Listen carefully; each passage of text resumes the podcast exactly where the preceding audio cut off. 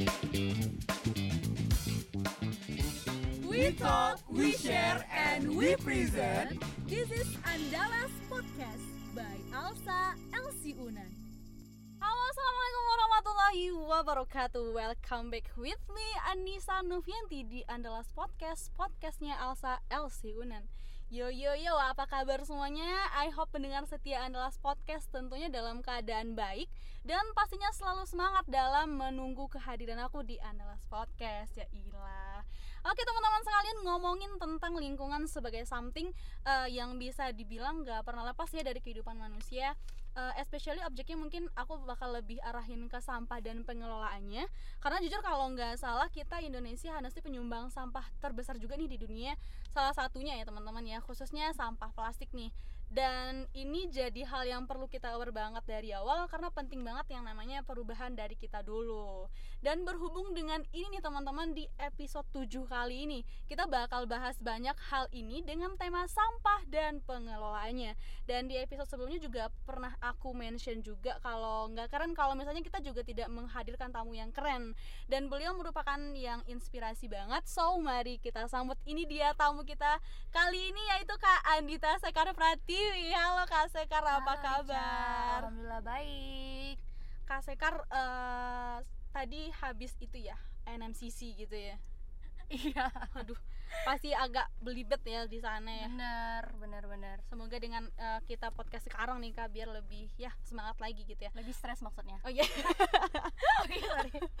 Oke, boleh dong Kak sebagai pertanyaan yang basic dulu nih, kita introduction dulu kali ya, biar teman-teman pendengar setia Andalas Podcast juga lebih kenal uh, dekat lagi nih sama Kak, sama Kak Sekar. Kak Sekar kalau boleh tahu domisilinya asli Padang apa gimana Kak? Aku asli Riau, cuman uh, di Padang yang merantau kuliah. Oh merantau. Mm-mm. Oh gitu. Sekarang kan masih online ya Kak ya? Terus Aku- kapan? Aku udah offline semester 5, udah ada kuliah praktek, jadi yang semester 5 dipaksa buat kuliah. Dipaksa ya bahasanya. Oke oke. Kak Sekar BTW lahirnya di mana nih Kak? Aku lahir di Bandung. Oh di Bandung. Yap. Pindah-pindah ya? Iya, nomaden. nomaden oke siap oke Kak Sekar kan sekarang angkatan 19 Mm-mm. ya berarti sekarang udah semester 5 waduh bentar lagi wisuda dong Belum dong. oh belum kita ke penjurusan khusus atau PK dulu kali ya Yuk, boleh. Kak Sekar kalau boleh tahu mau penjurusan khusus apa nih atau PK apa nih Aku pengennya pidana kalau nggak HI, cuman Hmm, sayangnya kemarin aku ngecek nilai ternyata aku kayaknya bakal masukkan cumannya. Oh masukkan pengennya sih aku HI atau pidana sih. Ya, tapi who knows Oke, aku di sini bareng teman-teman pendengar setia Nalas Podcast mendoakan yang terbaik aja ya buat Kak Amin, Sekar. thanks. Amin. Oke, mantap. Kak Sekar kan juga sama nih sama aku. Kita anak Elsa ya kan, asik. Kita sama eh, Kakak Kak Sekar member 4, aku member Mm-mm. 5. Maybe dari awal dulu nih. eh, dari sekian banyak ya let's say UKM yang ada di eh, atau organisasi gitu kan Kak. Kenapa sih pilihan Kak Sekar tuh jatuh kepada Alsa? Kenapa Alsa? Boleh dong Kak, kita pengen tahu nih apa yang menjadi reason seorang Andita Sekar Pratiwi untuk menetapkan Alsa sebagai pilihannya gitu. long short story dulu ketika uh, apa namanya bakti ya bakti fakultas Mhm. kan ada pengenalan UKM kan ya jadi dulu tuh uh, director kita mantan director Kak VB itu kayak ngenalin Alsa as UKM bertaraf internasional Hmm. Asian Law Student Association nah kayak siapa sih yang nggak tertarik dengan UKM bertaraf internasional gitu internasional. Yap, ya that's the main reason why I chose Alsa. Tapi uh, alasan klisenya ya karena aku memang gimana ya pengen mengembangkan diri sebagai mahasiswa hukum melalui organisasi yang bertaraf internasional ini. Terus juga ya alasan klise lainnya karena kita mau menambah relasi. Aku juga pribadi pengen menambah wawasan karena ini memang uh, ibaratnya kayak salah satu UKM yang bagus banget buat anak hukum gitu Hmm, loh. bagus banget Mm. dicatat nih teman-teman Kak Sekar aja ngomong ini Alsa bagus banget Kak Sekar dulu tuh eh, by the way waktu jadi staff intern itu di mana dulu Kak? Staff intern aku di membership. Eh Hmm. bukan, dulu namanya gathering and bonding. Gathering and Bonding Mm-mm. atau GNB ya Kak ya yang Yap, sekarang udah diubah jadi membership gitu ya Oke mungkin eh, kita lanjutkan untuk yang alasannya nih Kak Gimana nih Kak setelah beralsa suka dukanya apa gitu Boleh dong Kak ceritain dikit gitu ya sharing bareng kita kita gitu mungkin jawaban aku kayak klise banget ya sukanya ya dapat kenalan baru dapat teman baru terus juga nambah relasi tapi yang klise-klise itu emang justru sesuatu yang uh, beneran terjadi gitu loh. Kayak Hmm. memang aku dapat teman banyak terus juga uh, nambah wawasan terus juga aku bahkan berkesempatan ikut program uh, virtual exchange Alsa Indonesia dengan Alsa uh, Brunei Darussalam. Jadi menurut aku banyak banget sukanya. Kalau duka sih sampai sejauh ini nggak ada karena aku secara pribadi melakukan sesuatu ya uh, dengan seluruh hati dengan senang hati gitu. Waduh. jadi jadi kalau aku pikir dukanya sejauh ini belum ada sih. Dan dan jangan sampai ada gitu loh. Jangan sampai ada. Amin ya teman-teman ya. Semoga intinya nggak ada duka ya kayak kalau udah di Betul. Alsa gitu. Oke lanjut nih kak ke pertanyaan selanjutnya. Ngomongin kak Sekar yang sekarang nih kemarin kan aku sempat nih ngeghosting kak Sekar di Instagram Alsa Elsiunan oke. Oke di ghosting. Karena di sana kan ada postingan terkait kak Sekar eh, yang captionnya itu tuh tertulis we would like to congratulate Andita Sekar Pratiwi for being elected for the Alsa Indonesia Social Activist Team atau AISAT 2021 until 2022 nah Aisat nih, jujur aku sendiri kan nggak terlalu banyak paham tentang Aisat. Maybe Kak Sekar boleh ceritain dikit nggak secara general aja gitu Kak. Aisat ini sebenarnya apa sih gitu? Aisyah ini memang uh, salah satu prokernya Alsa Indonesia uh, di mana ini nih merupakan implementasi dari salah satu pilar Alsa kan pilar Alsa ada empat tuh Iya. nah salah satu kan ada socially responsible nah ini Alsa Indonesia Social Activist Team atau AISA ini merupakan implementasi dari pilar Alsa yang itu gitu. Nah makanya tujuannya pun untuk secara proaktif dan konkret membantu lingkungan hidup. Nah jadi inilah yang membuat uh, Alsa Indonesia akhirnya memutuskan untuk membuat proker AISAT ini gitu loh. Oh gitu, berarti Aisat ini adalah salah satu proker dari proker Alsa Indonesia. Oh, oke oke mantap. Dan dengan Aisat yang Kak Sekar sebelumnya jelasin ya, apa sih yang nge-push Kak Sekar tuh buat berkarir di Aisat? I mean, eh, apa yang memotivasi Kak Sekar untuk join Aisat? Um, truthfully speaking, dulu tuh aku dipaksa masuk AISAT. Dipaksa. oke. Bener, dipaksa sama Fajar, koor social event. Tapi awalnya aku emang kepaksa sih, cuman ketika aku menulis esai sebagai salah satu syarat untuk masuk AISAT itu, aku kemudian tercenung, tercenung banget tuh bahasanya kayak Mm-mm. mulainya aku sadar karena esai yang aku bikin eh, yang aku bikin juga waktu itu mengenai pengkedilan peran masyarakat um, dalam isu lingkungan hidup. Nah, ketika menulis esai itu juga aku kemudian dapat epiphany, sudden realization bahwa sebenarnya uh, banyak loh isu lingkungan ini kenapa kita nggak aware gitu. Jadi Hmm. akhirnya aku menye- apa serius bikin esai itu, kemudian aku akhirnya serius menekuni AISAT walaupun awalnya aku dipaksa gitu. Hmm, walaupun dipaksa tapi akhirnya ngena Ya, banget nih Kak gitu ya. Betul. banget. Oh, Oke deh. Eh, terus nih Kak Sekar kan di Alsa sekarang di membership ya? ya benar Iya, di di membership. membership. Dan sementara Kak Sekar juga ada di Aisat nih gitu. Ada nggak sih connection di antara kedua hal ini gitu? I mean like uh, relate nggak Kak dengan membership dan Aisat ini sebenarnya? Kalau aku pribadi momennya kayaknya nggak ada. Oh nggak ada. Ya membership kan memang eh, lingkupnya internal Alsa LC Unan gitu. Kemudian AISAT ini lingkupnya adalah program Alsa Indonesia yang eh, lingkupnya nasional gitu. Pun ketika kaitannya kita eh, lihat dari aspek eh, job desk juga nggak ada karena AISAT ini memang eh, lebih ke social event sementara membership lebih bagaimana kita membonding semua member gitu. Jadi kalau menurut aku nggak ada Oh hubungannya. nggak ada hubungannya sama sekali. Terus Kak kalau misalkan nggak relate nih, terus gimana tuh? Gimana cara Kak Sekar untuk bisa membangun hal itu secara bersamaan? gitu karena kan eh, gimana caranya Kak Sekar untuk mengatur hal tersebut? Karena case-nya kan nggak sesuai nih. Ya udah satu Kak Sekar di Aisat satu di membership. Gimana sih cara kakak, kakak ngebagi itu gitu? Gimana cara membagi? Mungkin lebih ke menyadari peran masing-masing di organisasi gitu loh. Kayak aku ketika jadi staff membership berarti aku memang harus menjadi orang yang sociable yang bisa merangkul orang lain. Nah ketika aku di AISAT yang ini lebih ke eksternal yang eh, untuk merangkul orang juga ibaratnya tentu aku juga harus lebih eh, ekstra sosialisasinya gitu jadi saranku untuk membagi ini sebenarnya yang ada yang ada keterkaitannya adalah menyadari posisi kita dalam suatu kepanitiaan atau organisasi atau juga eh, hal-hal yang terkait gitu loh Nah, that's right itu banget yang diper- yang diperlukan banget ya kayak. Oke. kita bakalan beralih kepada Aisatnya banget nih, Kak. Sekarang aku bakal nanya tentang Aisat lebih dalam dan di awal tadi kan Kak Sekar sempat jelasin secara general aja nih. Nah, Forna boleh dong secara detailnya Aisat itu sebenarnya apa kita apa gitu Kak? Mungkin bisa dimulai dari eh, cara masuk Aisat gimana gitu-gitu deh Kak, boleh. Oke, eh, mungkin aku lebih ke AISAT-nya duluan ya. AISAT itu panjangannya ALSA Indonesia Social Activist Team. Ini Mhm. tuh program kerja ALSA Indonesia yang merupakan implementasi dari pilar socially responsible yang tujuannya untuk secara proaktif dan konkret membantu lingkungan hidup. Nah, fokus prokernya dari AISAT ini adalah kita membuat campaign sosial yang berbasis tentang isu mengenai lingkungan untuk meningkatkan nih kesadaran masyarakat agar mau berkontribusi untuk melakukan perubahan lingkungan hidup yang menuju lebih baik gitu loh. Hmm. Nah, untuk kemudian gimana aku masuk AISAT? Kemarin itu aku diminta uh, ngirimin CV, kemudian esai, uh, kemudian juga motivation letter. Kemudian setelah itu uh, ada tahap wawancara dari uh, national board yang kemudian setelah itu barulah diumumin bahwa siapa aja nih yang lolos uh, untuk jadi anggota AISAT itu sendiri. Kalau tadi kan kakak sempat juga ngomongin kalau misalkan mau join AISAT tuh ada CV, ada apa tadi esai lagi kan? Esai, ya. Nah, esai itu ditentuin nggak kak biasanya temanya? Ah iya, karena AISAT ini kan fokusnya isu lingkungan, tentu esainya juga berkaitan dengan isu lingkungan hidup. Kemarin kalau boleh tahu kak Sekar itu esainya tentang apa? Pengkerdilan peran masyarakat dalam isu lingkungan hidup. Oh pengkerdilan masyarakat. Mm-mm. Oh gitu. Itu maksudnya gimana tuh kak? Nah, kan kadang dalam penyelesaian isu lingkungan hidup nih ada pemerintah, uh, ada juga korporasi gitu, ada masyarakat. Nah, dalam realitasnya peran masyarakat ini tuh kadang nggak dianggap nyaris nggak dianggap dalam penyelesaian isu lingkungan hidup, baik itu dari restitusi, rehabilitasi lingkungan hidup yang uh, dilakukan secara um, nggak benar gitu loh.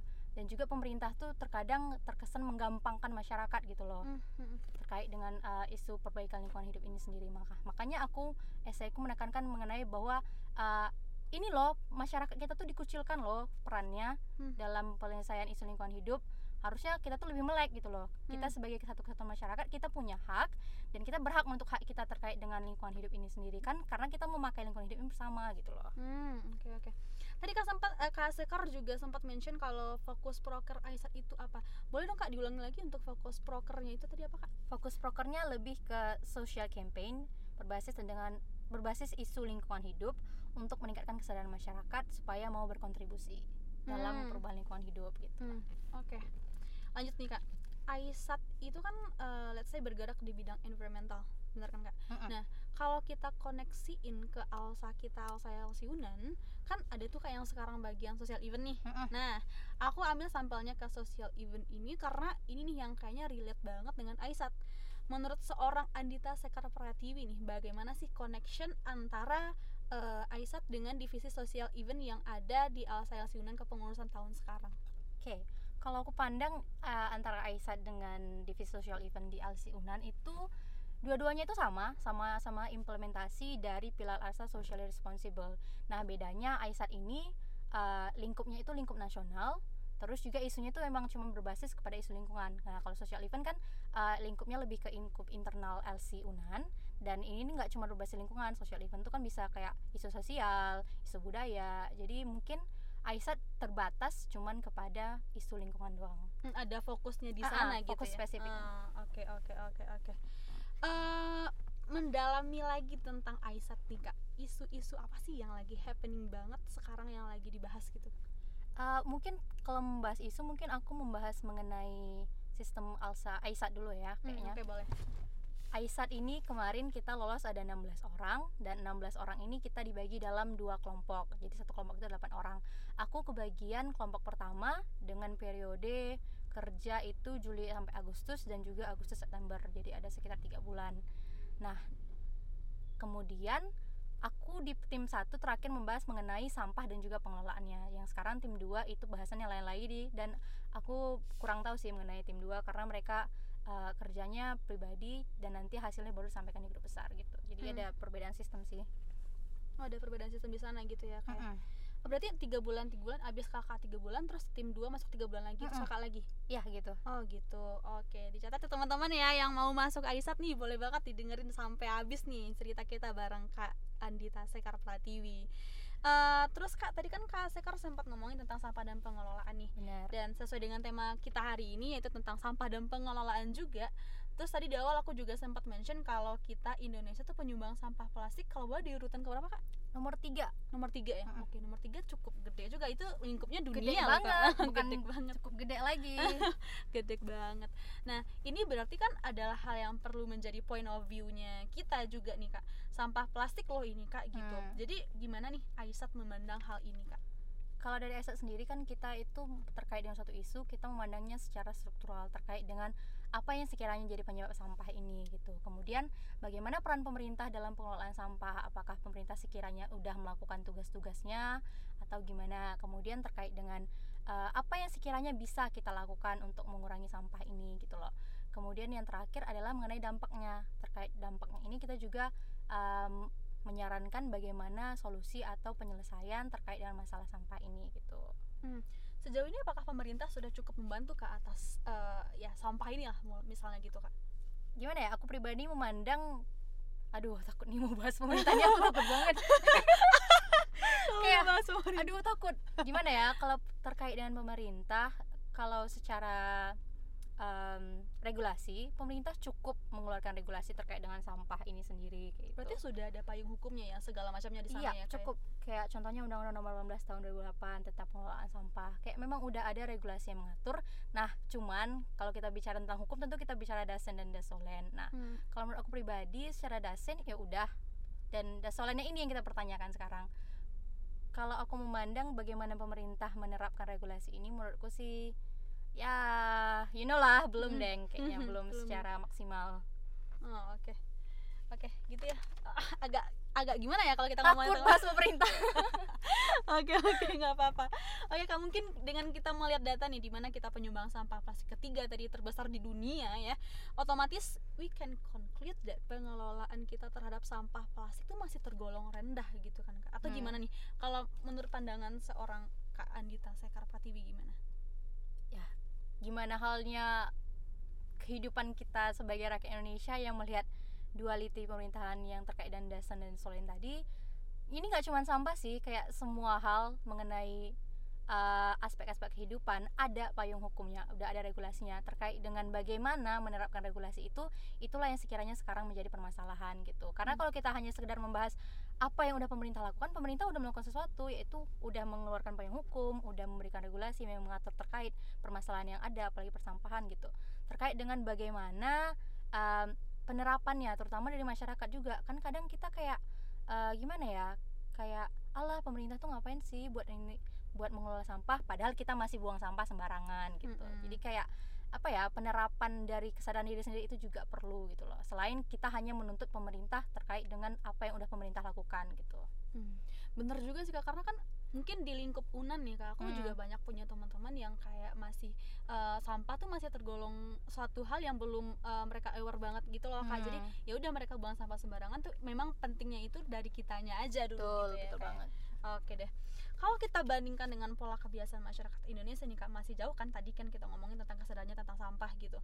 So gimana sih menurut kak Sekar sendiri apa yang perlu kita lakukan banget agar kesadaran masyarakat tentang sampah tuh bisa lebih increase lagi gitu dari yang sebelumnya yang sekarang kita yang bodoh amat dengan sampah ini segala macam gitu? Gimana tuh kak? Terkait dengan bagaimana meningkatkan kesadaran gimana ya? Aku pun secara pribadi nggak punya sesuatu solusi yang benar-benar wah kemudian bisa meningkatkan masyarakat karena aku pikir kesadaran itu emang dimulai dari diri masing-masing gitu loh. Dan hmm. juga dari panutan gitu. Misalnya kayak dalam satu lingkup keluarga ada orang tua yang mengajarkan anak buang sampah gitu. Kesadaran itu sesuatu yang bisa kita pelajari dan, dan sesuatu yang harus ada dalam diri kita gitu loh. Kayak uh, kalau aja satu orang mikir aku harus buang sampah pada tempatnya gitu.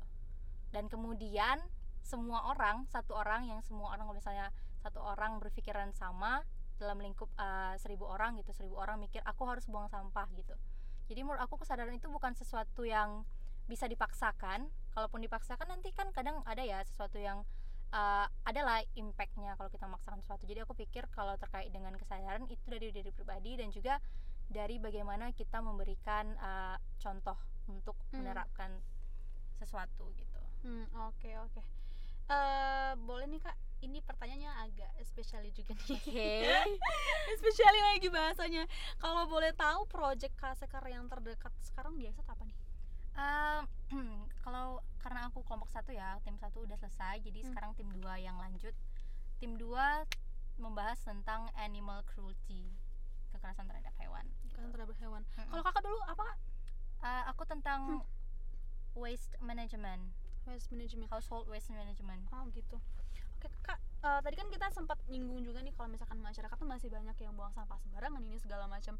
Dari Aisat sendiri ada nggak sih yang kayak melakukan sebuah uh, aplikasi yang di mana uh, memberikan memberitahu ke masyarakat masyarakat bahwa uh, sampah ini perlu banget loh kita aware dari sekarang gitu ada nggak sih kayak sebuah tindakan yang dilakukan Aisat ke terhadap pemerintah secara langsung gitu eh pemerintah sorry ke masyarakat secara langsung gitu kak Nah, ini sih kemarin jadi kendala juga karena kita Aisat ini masih dalam uh, suasana online ya. Jadi belum sempat uh, melakukan aksi secara offline turun ke jalan atau misalnya Hmm. langsung ke pemerintah sih. Jadi mungkin waktu itu kami masih sekedar uh, membuat video, kompilasi video terkait dengan pengurangan penggunaan sampah plastik kayak kalau misalnya kita belanja ke mana gitu udah bawa tas belanja sendiri jadi nggak perlu uh, minta plastik lagi gitu. Hmm. mungkin baru sekedar itu sih kalau misalnya terkait dengan pergerakan offline belum sempat juga. Belum sem- ya karena Hmm, ada terhalang. iya terhalang ya. Nih aduh kalau bisa nih corona jauh-jauh dong dari Indonesia. Oke deh Eh, kak Aisat ini kan oh belum nih. Aku tadi masih sempat kepikiran tadi kak Sekar tentang isu apa tadi kak? Yang animal cruelty, animal cruelty. Kekerasan terhadap hewan. Kalau boleh tahu boleh dong sedikit menurut pandangan kak Sekar atas isu tersebut gimana Pandangan mengenai tentang kekerasan hewan karena gimana ya sadar nggak sadar kita sering loh gitu menganggap remeh hewan kayak misalnya anjing atau kucing gitu. Padahal itu sesuatu yang salah gitu loh. Udah ada dalam KUHP terkait dengan uh, penganiayaan hewan dan juga pelantaran hewan gitu. Jadi menurutku masyarakat tuh belum aware bahwasanya uh, yang mereka lakukan kepada nggak juga nggak cuma sekedar kepada hewan peliharaan kepada hewan-hewan lain pun misalnya gitu. Itu merupakan sesuatu yang bisa dijerat hukum gitu loh. Mereka kurang aware. Nah di situlah kemudian Aisat uh, mengangkat isu ini bahwasanya masyarakat harus tahu loh apa yang kalian lakukan tuh terkait dengan kekerasan terhadap hewan tuh bisa aja kena pidana. Dan mereka harus tahu kalau mereka nggak boleh melakukan itu lagi gitu loh. Kayak yang komodo kemarin gimana tuh kak? Yang pulau komodo gitu-gitu loh itu udah beda beda konsep lagi ya? Oh beda konsep lagi itu berarti mohon maaf. Itu masuk ke lingkungan itu masuk ke, ke lingkungan hidup juga cuman itu belum sampai ke pembahasan Aisat mungkin next project bisa jadi masukan. Thank you banget Ica. Oh oke oke. Oke. Solusi nih tadi saya. Saya takutnya tadi gimana gitu ya. Oke. Kak di Aisyah kan kita ketemu banyak orang nih. Nah Aimin lebih luas lagi dong wilayahnya. Nggak hanya lokal di Unan aja kak kalau misalkan kayak Unan kan kita di ya udah ya udah Unan Unan doang gitu kan Mm-mm. tapi ini kan eh, jatuhnya Alsa Indonesia Iya, gitu ya. benar.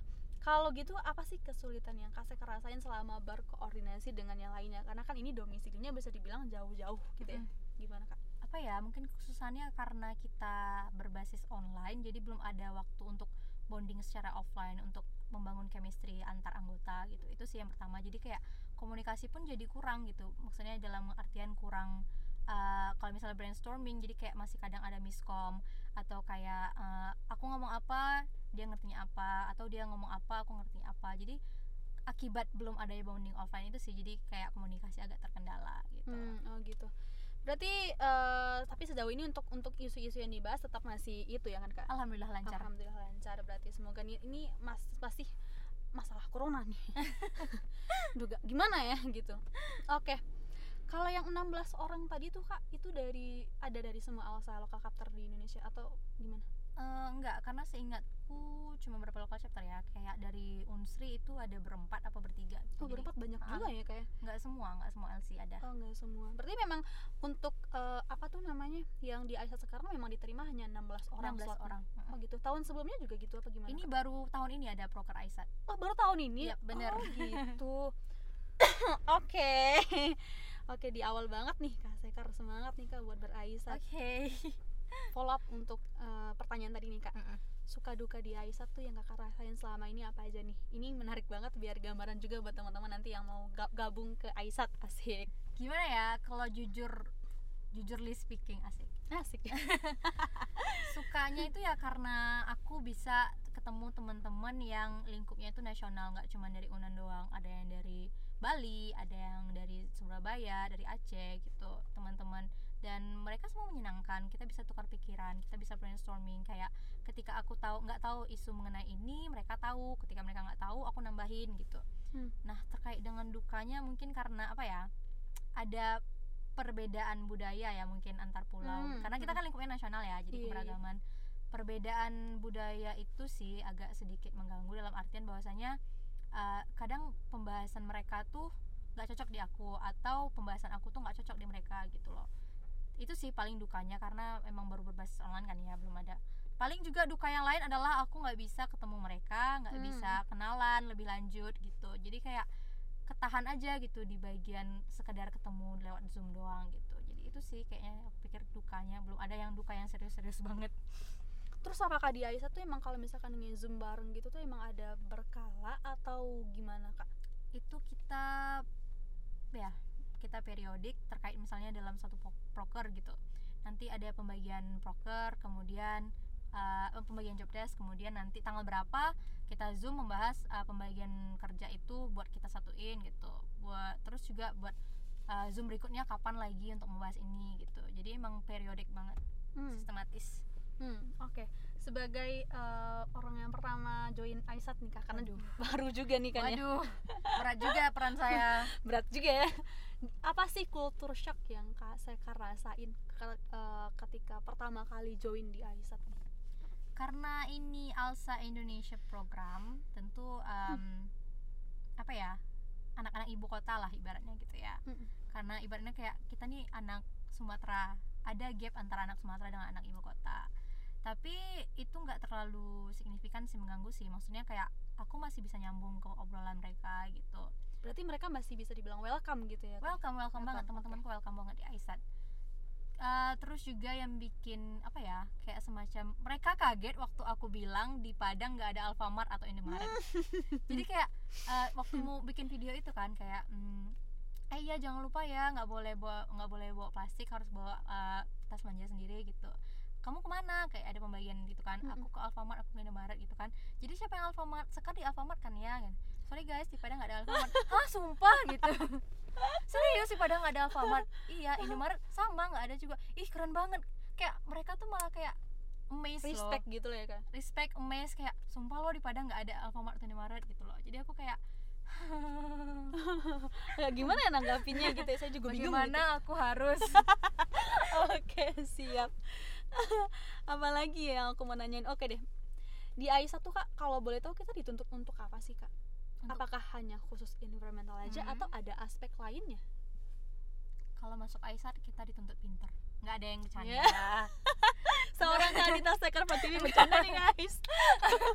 bukan gimana ya maksudnya kita tuh dituntut untuk serius itu yang pertama Hmm. dituntut serius Pasti. karena iya benar karena uh, untuk brainstorming tentu kita harus paham dulu mengenai isu yang akan kita bahas gitu loh. Enggak pun ketika kita mengerti kan mereka tetap bakal bantu. Nah tapi kita tetap harus tahu gitu loh apa yang bakal kita bahas. Jadi kita untuk dituntut untuk serius dituntut untuk uh, bukan pinter sih apa namanya kayak mau gitu loh. Mau berusaha mau mencari materi gitu loh. Karena itu tuh bukan sekedar organisasi yang organisasi ecek-ecek lah ibaratnya gitu. Itu kan Hmm, lingkupnya hmm. nasional ya pertanggungjawaban juga di bawah Asa Indonesia jadi kalau terkait dengan apa yang dituntut untuk masuk AISAT kamu dituntut untuk serius dan berkomitmen Oke. Berkomitmen itu yang paling penting ya bener ketika kan kadang masuk. uh-uh, susah gitu Iya bener-bener komitmen nih yang paling penting. Terus eh, keuntungan apa nih yang Sekar rasain setelah berada di Aisat kurang lebih eh, berapa bulan tuh kak? Tiga bulan empat bulan bulan, oh, empat bulan, empat bulan sekarang ya. keuntungannya yang pertama yang paling aku dapat banget adalah aku bisa kenalan sama Hmm. teman-teman di luar LC Unan. Ada dari LC UGM, LC uh, Unsri, LC USK kayak kayak teman-teman dari OSI lain gitu loh. Dan mereka juga welcome sama aku gitu. Terus kemudian apa yang aku dapat dari ESA adalah kayak mm, semacam insight insight baru ketika kita bahas satu isu gitu aku nggak paham isu ini mereka menjabarkan gitu loh. Jadi kayak kami saling melengkapi. Jadi aku rasa itu sangat insightful untuk aku. Jadi buat teman-teman yang mau masuk AISAT Nah, nah, nah, catat teman-teman. yang masuk AISAT kayak eh, keren banget kalau misalnya kamu bisa masuk AISAT karena selain kamu bakal jadi seorang yang luar biasa karena udah berhasil masuk ke prokernya Alsa Indonesia kamu juga bakal dapat em, insight-insight yang sangat berguna. Nggak cuma terkait dengan hukum tapi juga terkait dengan aspek lainnya. Contohnya kayak sosial lingkungan gitu Hmm, oke. Kalau boleh balik lagi nih kak pertanyaannya mungkin dari awal banget itu Kak Sekar mau daftar Aisat dari UNAM tuh ada berapa orang kak? seingat aku berdua ya Berdua. Mm. Oh berdua. Dan alhamdulillahnya Kak Sekar yang keterima. Asik. alhamdulillah awalnya aku nggak tahu aku kira waktu itu Fajar cuman nyuruh aku sendiri gitu loh Oh. kemudian ketika ada SK eh, anggota AISAT aku baru tahu dari temanku bahwasanya kalian berdua loh dari Unan terus aku kayak hah? Masa iya sih? Siapa Hmm. satu lagi? Si itu. Terus kayak ya kenapa nggak kita berdua? gitu loh. Kalau misalnya bertiga berdua kan aku kayak pasti punya teman juga di situ Hmm. gitu loh. Jadi kayak sayang sih. Terus menurut kak Sekar nih yang udah empat bulan tadi ya Hmm, empat di bulan. Aisat. Sibuk banget nggak sih kak? Atau mengganggu banget nggak sih ke kuliah? Apa gimana gitu? Hmm, kalau dibilang sibuk pada periode tim aku lumayan sibuk tapi nggak sampai mengganggu waktu kuliah sih. Karena kan memang waktu itu uh, masih online ya kuliah. Kami juga pertemuan online tapi emang nggak sesibuk sih. Maksudnya kayak kami uh, di Aisat zoomnya itu paling memang menyesuaikan sama jadwal kuliah. Pasti ditanya eh kapan guys? Kosong gitu. Kita zoom Hmm. yuk gitu. Hmm. jadi nggak sampai mengganggu kuliah sih. Hmm, alhamdulillah ya. Alhamdulillah banget dan thanks. dapat positive vibes juga nih di sana gitu. keren. Dan kan kan kak Sekar tadi 8 orang terus ngebahas isu ini gitu. Mm-mm. dan apakah itu doang prokernya kak? Atau ada yang lain gitu prokernya banyak kayak tiap periode itu ganti gitu cah oh iya Ah, a priori- eh, proker awalku adalah mengenai sampah plastik, kemudian bersambung ke sampah rumah tangga dan pengelolaannya, kemudian lanjut ke limbah. itu ngebahas aja atau bikin webinar atau gimana kak Tergantung sih, tergantung bahasan satu proker itu.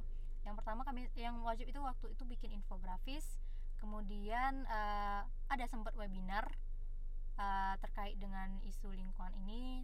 Tergantung sih maksudnya kalau misalnya kita bisa sempat bikin webinar, kita bikin webinar, cuman kalau enggak kita bikin kayak contohnya waktu itu video atau infografis gitu, Cah. oh gitu yang waktu kak Sekar kemarin sempat bikin webinar Oh sempat bikin webinar dan itu cakupannya tetap nasional ya kak? Yep. Oh oke oke mantap banget nih.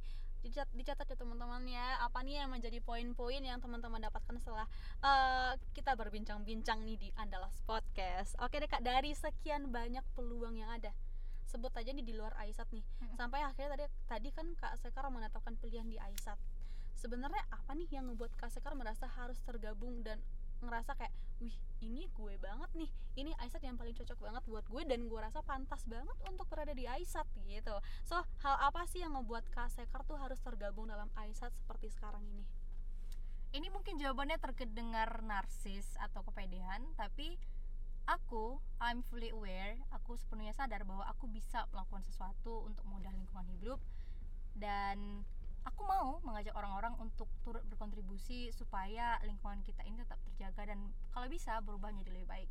Karena aku percaya segala hal kecil eh segala hal besar itu dimulai dari hal kecil. Contohnya ketika kita membuang sampah se- tidak sembarangan sesuai tempatnya gitu. Dan kemudian semua orang melakukan hal yang sama untuk membuang sampah pada tempatnya aku yakin lingkungan kita sekarang pasti akan lebih terjaga gitu. Jadi aku percaya dan aku sadar aku mampu melakukan sesuatu jadi aku merasa aku pantas tergabung di Hmm, Aisan asik itu kan pede ya kan ya? pede Nah, kalau misalkan PD tuh kayak yang ke arah positif nggak Optimis, apa-apa, iya, optimis bener, bener, banget.